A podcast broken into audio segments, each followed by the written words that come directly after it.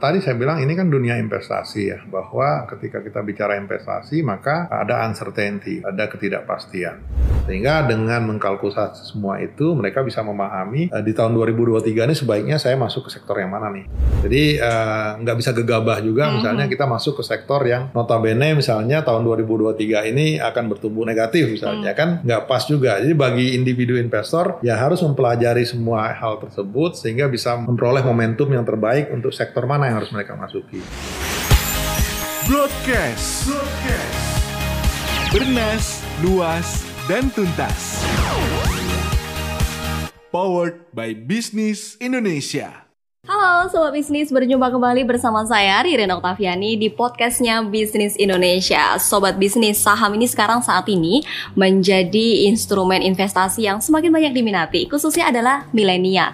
Meski begitu, tantangan untuk kemudian melakukan edukasi dan juga literasi ini masih menjadi tantangan tersendiri bagi milenial investor ini. Nah, meski begitu, pandemi COVID-19 sudah kita lewati Tapi beberapa emiten masih tetap berjuang untuk dapat perkasa di lantai bursa. Meski begitu juga sejumlah emiten juga tetap menunjukkan prestasinya. Lantas apa saja kemudian prospek dan juga tantangan ke depan di tahun 2023? Kita akan membahasnya langsung bersama dengan Pak Samsul Hidayat selaku Direktur Eksekutif Asosiasi Emiten Indonesia. Ya. Apa kabar Pak? Baik, baik. Ini 2023 sudah berada di depan mata ya Pak ya. Udah berjalan sudah, bahkan sudah, ya Pak ya. Tapi kita akan mengulas sedikit Pak ya. uh, di tahun 2002 kemarin bahwa ya. memang sempat diwarnai dengan prestasi-prestasi tapi juga ada juga nih emiten-emiten yang harus roller coaster nih Pak. Ya. Bisa ya. dijelaskan secara singkat Pak ulasan dari uh, ya. 2003 kemarin. 2022 ya? 2002 kemarin. Oke, 2022. Uh, saya kira apa yang terjadi di tahun 2022 uh, eh, adalah refleksi dari kondisi yang kita alami bahwa selama tiga tahun terakhir mulai dari 2020, 2021 dan sebenarnya harapannya di 2022 uh, eh, awal itu kita sudah, sudah bisa bangkit, ya, bangkit karena uh, pandemi sudah mulai berkurang. Ternyata uh, kekhawatiran terhadap pandemi ini masih terus menghantui sebagian kita karena PPKM pun saat itu masih diberlakukan. Sehingga dunia usaha saya kira uh, masih uh, menghadapi kendala dalam terutama terkait masalah uh, apa rencana mereka untuk berinvestasi ya, artinya untuk mengembangkan kegiatan usaha karena masih ada uncertainty mm -hmm.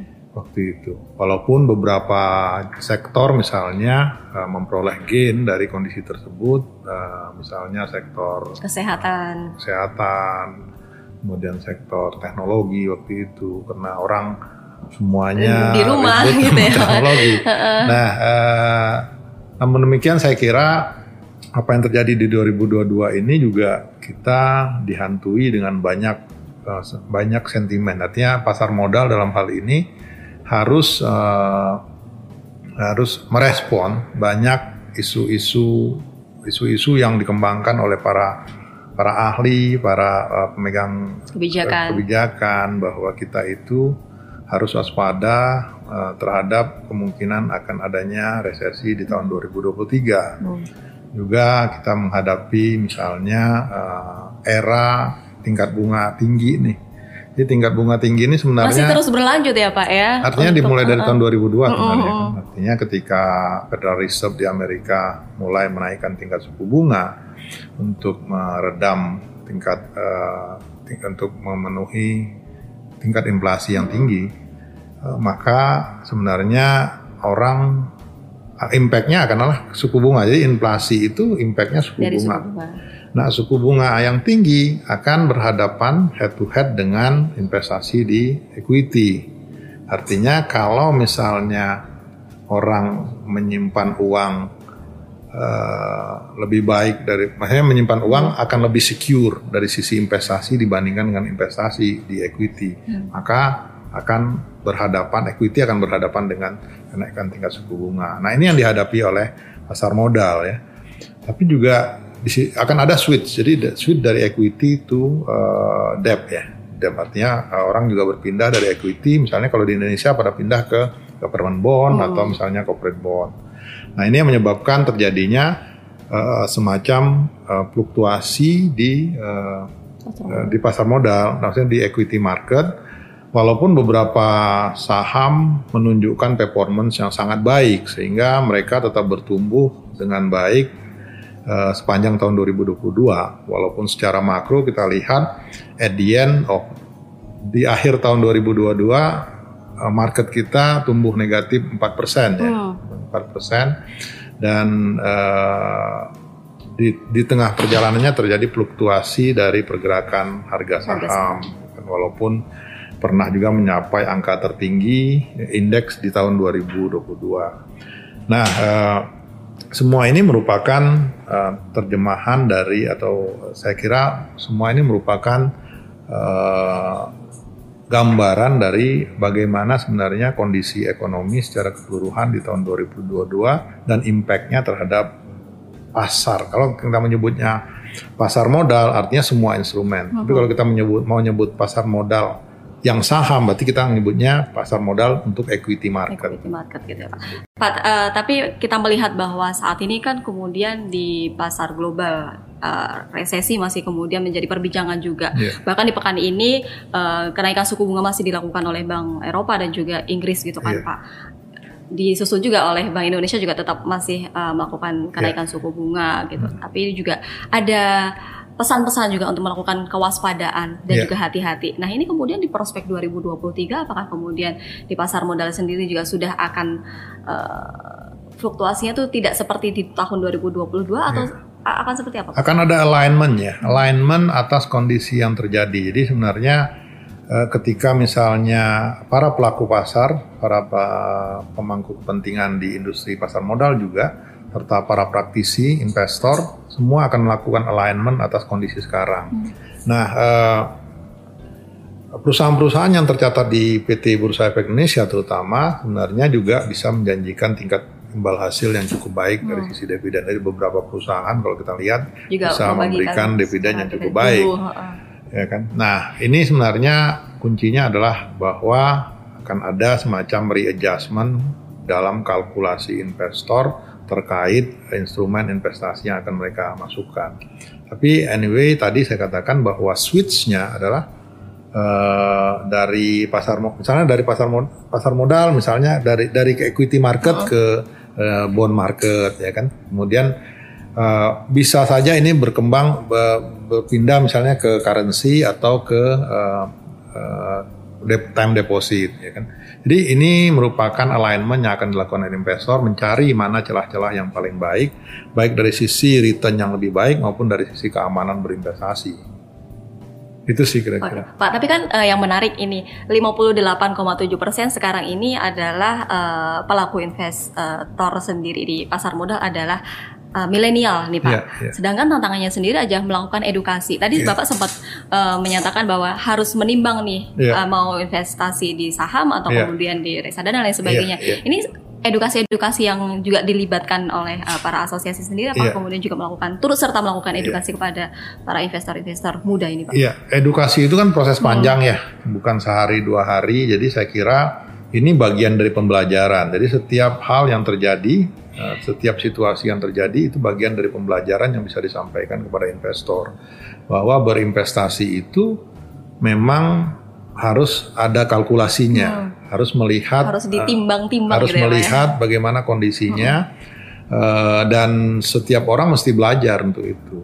Setiap orang mesti belajar, banyak variabel yang mesti dilihat mulai dari variabel makronya, variabel mikro di perusahaannya sendiri, fundamental. Kemudian uh, ya artinya fundamental perusahaan, kemudian uh, teknikal dan hal-hal lain yang mestinya di, di, di, dijadikan semacam rumusan bagi investor untuk apakah akan masuk ke investasi tertentu, apakah akan menahan untuk tidak masuk, apakah akan berpindah ke instrumen lain, ataukah ini merupakan ya ini seninya berinvestasi. Jadi investasi itu uh, selalu boleh disebutkan uh, memang harus ada ilmunya, harus belajar dan kalau misalnya sekarang milenial sudah aktif di situ, ini juga kabar gembira karena milenial kan nggak suka sama yang comfort ya, hmm. yang sangat uh, apa namanya uh, membosankan misalnya kalau kalau milenial kan kalau naruh uang misalnya di bank kan itu saving. Jadi ya, saya sebutkan bahwa antara menaruh uang di perbankan dengan berinvestasi itu beda. Itu saving sama investment, investasi. Nah kalau saving artinya ya aman-aman aja. Artinya akhir tahun ya saya dapat bunga misalnya 3-4 persen dari jumlahnya. Kalau investasi saya bisa dapat positif, bisa dapat negatif. Kalaupun positif bisa 3%, bisa 5%, bisa 10%. Kalau negatif misalnya ya bisa rugi. Nah untuk menghindari rugi ini yang mesti dipelajari. Dipelajari, uh, mencari saham-saham yang benar-benar uh, bisa menghasilkan return yang terbaik menurut ukuran mereka, menurut ukuran para milenial. Dan ini kabar gembira saya kira ketika milenial sudah masuk dan aktif berinvestasi di equity market. Karena ini yang dilakukan bertahun-tahun kita ingin mengembangkan market ini dengan mengedukasi banyak pihak. Kalau kita lihat misalnya uh, Bursa Efek Indonesia sudah membuka galeri sekian banyak di seluruh Indonesia, semua perusahaan efek juga membuka upaya mereka mendekati para iya, milenial. Ya, ada banyak-banyak program juga nah, yang kemudian disasar ya Pak ya. juga sebenarnya untuk membuat uh, apa namanya uh, ketahanan dari market kita tuh menjadi lebih baik Kenapa? Karena kalau ini dikuasai oleh satu pihak saja, uh, maka satu kelompok saja, satu kelompok gitu ya, saja, ya? maka uh, marketnya akan cenderung uh, Ke, berfluktuasi uh, dengan uh, berfluktuasi karena keputusannya diambil oleh kelompok investor. Sepihak saja nah. gitu ya Pak ya. Pak tadi bicara soal seni untuk melakukan investasi. Ya. Di tahun 2023 ini kan kalau kemarin mungkin tadi sempat disebutkan ada sektor uh, kesehatan dan juga teknologi ya. yang masih kemudian mendominasi karena ya. adanya pandemi Covid-19. Ini ya. saat ini juga sudah PPKM sudah dilakukan uh, apa ya. pencabutan gitu kan Pak.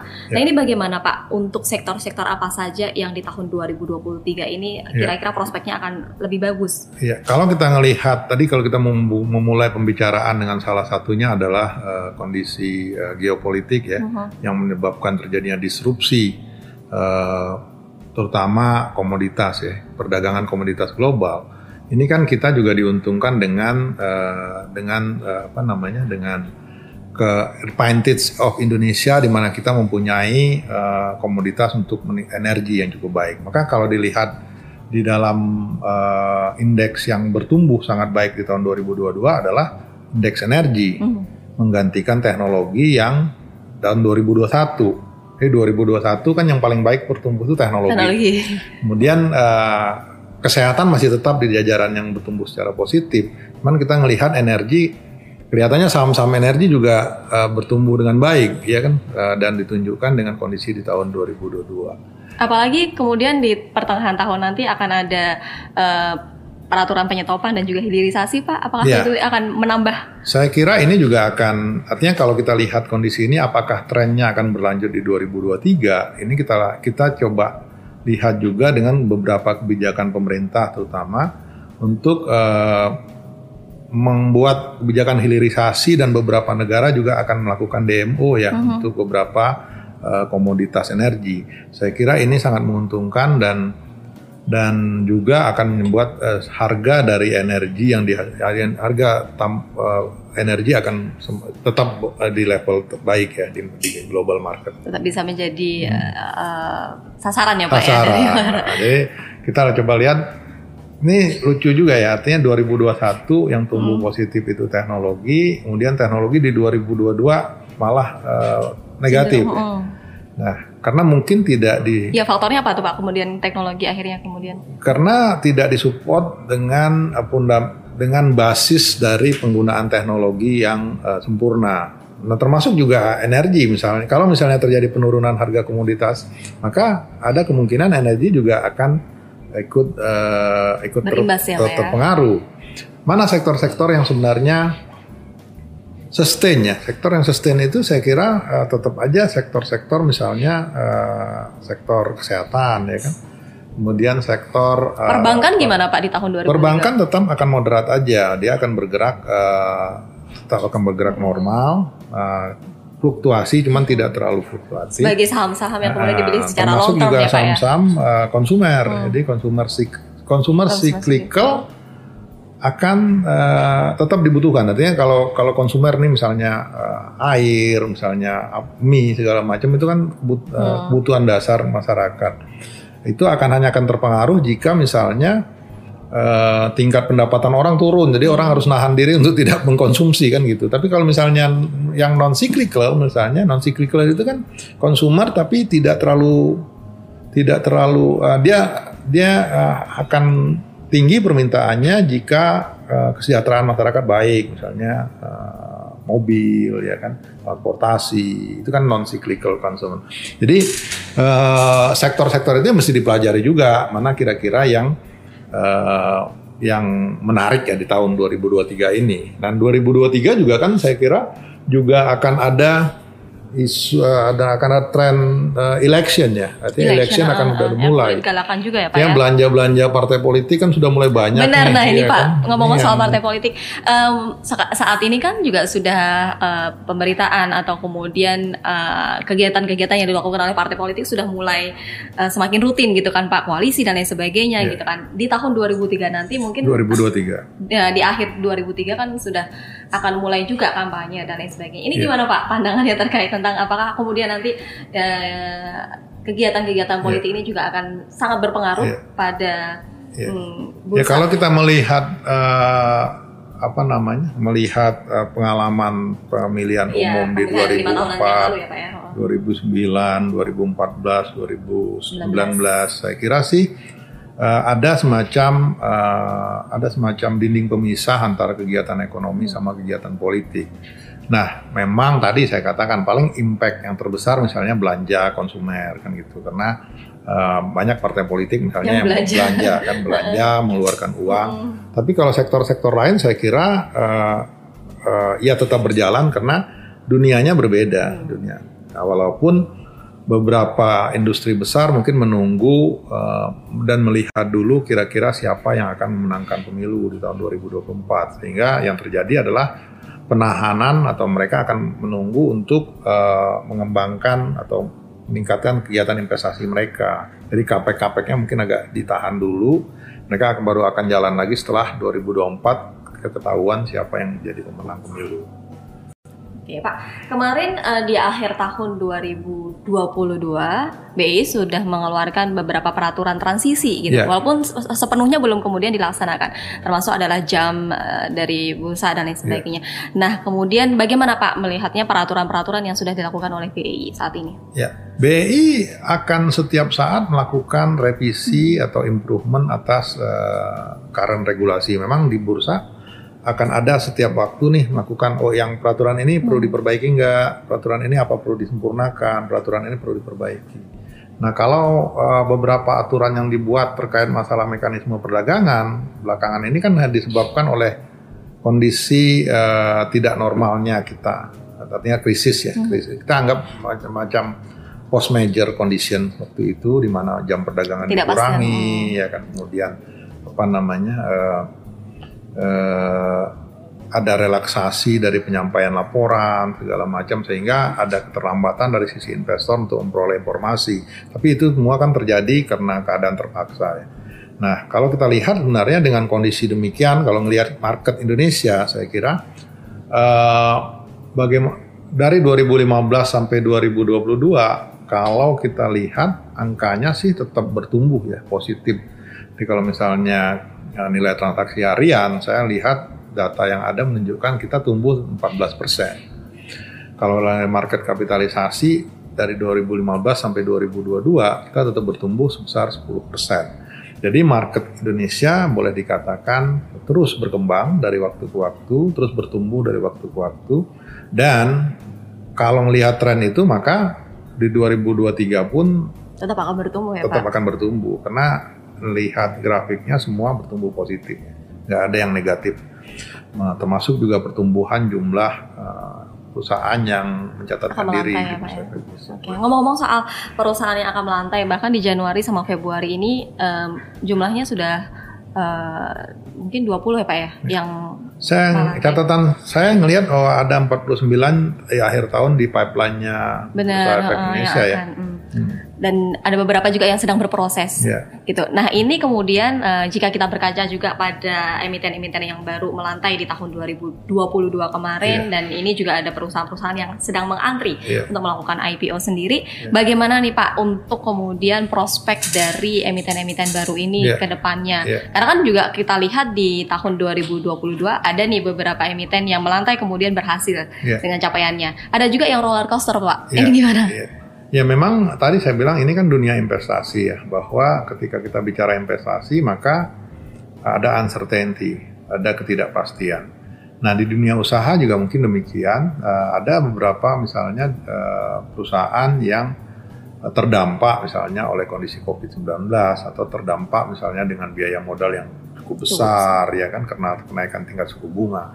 Jadi eh, beauty-nya di pasar modal ya demikian Mbak Riri. Artinya dunia ini tidak berjalan seperti yang kita nggak nggak selalu berjalan seperti yang kita harapkan.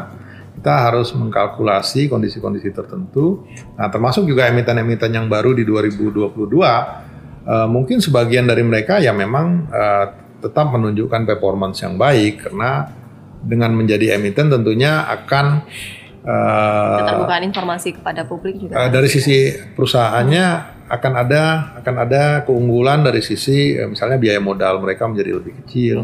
Karena eh, apa namanya biaya investasi mereka harus didanai dengan equity atau misalnya mereka mengurangi porsi utang. Dan ini kan akan membantu eh, cash, eh, membantu komposisi eh, capital mereka. Sehingga beban bunga yang beban bunga yang harus ditanggung oleh perusahaan menjadi semakin lebih kecil.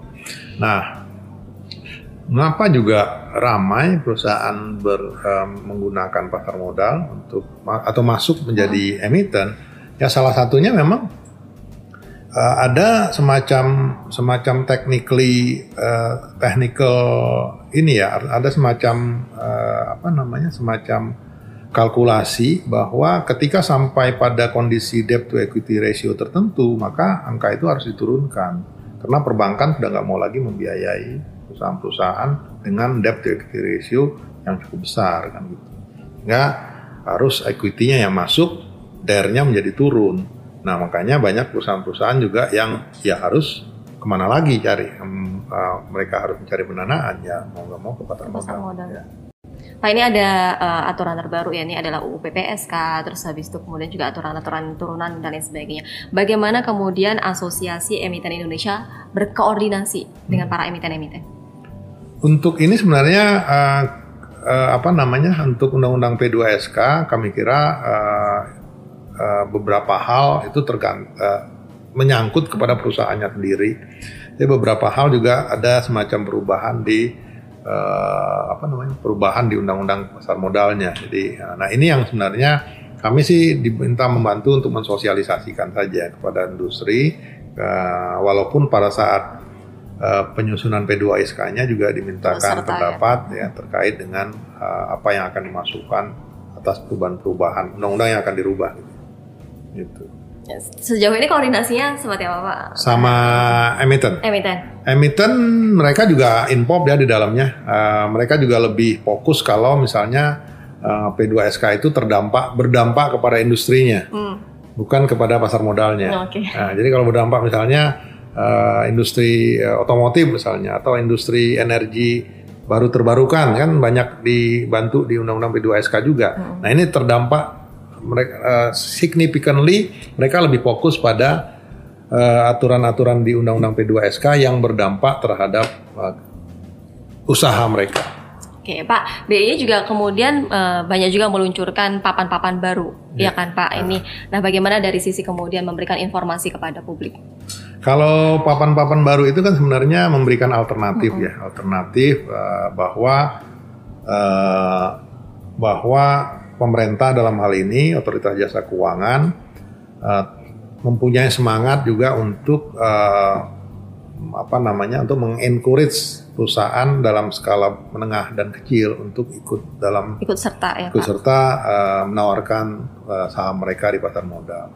Nah, aturan terkait UKM perusahaan menengah kecil ini kan sudah ada mungkin dari 3-4 tahun yang lalu. Hanya saja memang papannya belum ada yang mencocokkan kan itu. Makanya BI dalam hal ini membuat papan baru untuk perusahaan. ha. Nah, jadi ada kanalisasi untuk perusahaan-perusahaan menengah kecil ketika mereka berinvestasi, ketika mereka dicatatkan di Bursa Efek Indonesia. Sehingga eh, kemudian eh, bagi para investor untuk melihatnya semakin mudah gitu ya Pak ya. Investor akan semakin clear bahwa semang kalau menurut saya semakin eh, kecilnya perusahaan atau semakin menengah ada potensi akan memperoleh return yang sangat besar, tapi ada potensi juga untuk eh, kehilangan investasi karena eh, perusahaan yang kecil mungkin belum stabil dari sisi mereka punya eh, kegiatan kan gitu. Sehingga ketika mengelompokkannya dalam papan tertentu, investor harusnya sudah memahami, oh ini resikonya cukup tinggi. Tapi kalau dia memang masuk juga, dia sudah memahami bahwa bahwa ya berinvestasi di situ cukup cukup berisiko gitu. Kan itu yang itu yang ingin di Sampaikan. ingin disampaikan Pesan oleh disampaikan. Bursa Efek Indonesia bahwa eh, resikonya kalau eh, papan utama mungkin begini, papan eh, apa, pengembangan begini dan papan menengah kecil juga mungkin eh, resikonya cukup besar bagi investor. Tapi dengan dengan imbal imbal hasil kalau untung juga mungkin lumayan besar kan gitu karena karena kalau kita lihat misalnya eh, perusahaan-perusahaan yang sekarang menjadi raksasa dunia kan dimulai dari perusahaan menengah Kecil, kecil. yang, mm. Ya kan? Kalau kita bicara misalnya uh, Apple, ya kan, Microsoft, Google, ya kan. Ini juga perusahaan-perusahaan yang yang yang dimulai dari usaha kecil menengah. Ketika masuk ke pasar modal juga market cap mereka juga masih, masih Iya, kecil masih gitu ya Pak ya. kecil Kemudian sekali, ya. bertumbuh ya Pak ya. makanya mereka uh, kalau misalnya perusahaan-perusahaan itu nggak ada yang dicatatkan di NYSE di New Yorknya, banyak kan dicatatkan di Nasdaq. Karena Nasdaq yang memfasilitasi waktu itu ya usaha menengah kecil. Sama halnya juga apa yang kemudian dilakukan oleh BEI. Nah, sama harapannya perusahaan-perusahaan yang menengah kecil yang juga sudah diatur oleh aturan OJK ini ya juga menjadi lebih besar nantinya, lebih menjadi besar, besar, besar dan ya demikian kan gitu. Tapi kan nggak semuanya akan jadi lebih besar. Mhm. Itu tadi melihat iya, kan dari tidak sisi semuanya akan jadi besar. Ini kejelian investor melihat mana perusahaan yang paling berpeluang untuk menjadi besar nantinya. Oke, Pak, pesan-pesan khusus nih Pak untuk para investor yang akan eh, bergeliat nih eh, melakukan investasi di tahun 2023. Ya, saya kira uh, untuk 2023 uh, tadi bahwa kita mesti memahami dinamika yang terjadi. Banyak kesempatan-kesempatan yang mungkin uh, ada. Salah satunya tadi saya sebutkan bahwa uh, dibukanya uh, Keran dari Cina.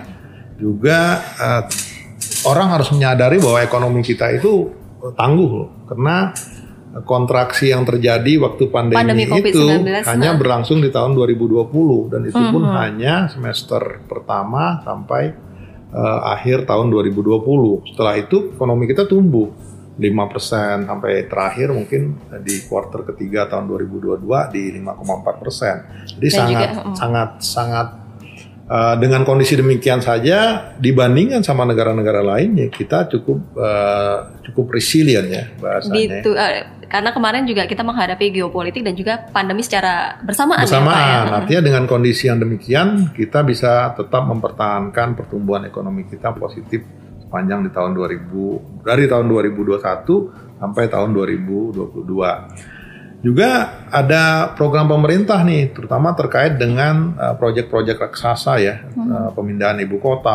Benar. Ini kan akan membutuhkan uh, belanja modal yang cukup banyak, uh, banyak pihak yang terpengaruh, Hmm, banyak sektor-sektor tertentu Ini ya juga kemudian. ini juga salah satu hal yang perlu dikalkulasi bahwa oh apakah uh, nanti challenge-nya ada ya ini saya baru mencepat menyampaikan invest impe- apa namanya uh, opportunity-nya saja jadi akan ada uh, akan ada semacam uh, pergerakan kegiatan dari sisi ekonomi akibat dari proyek-proyek uh, raksasa dari yang pemerintah oleh ataupun momentum-momentum yang akan terjadi di 2003 ya Pak. Saya kira demikian. Jadi, eh, nah untuk usaha-usaha tertentu saya kira juga akan terdampak nih kalau misalnya eh, perusahaan-perusahaan yang bergerak di bidang pembangunan, material, ya kan, ya, penyediaan sarana infrastruktur. Saya kira ini akan menjadi sesuatu yang yang perlu menjadi kalkulasi pemerintah.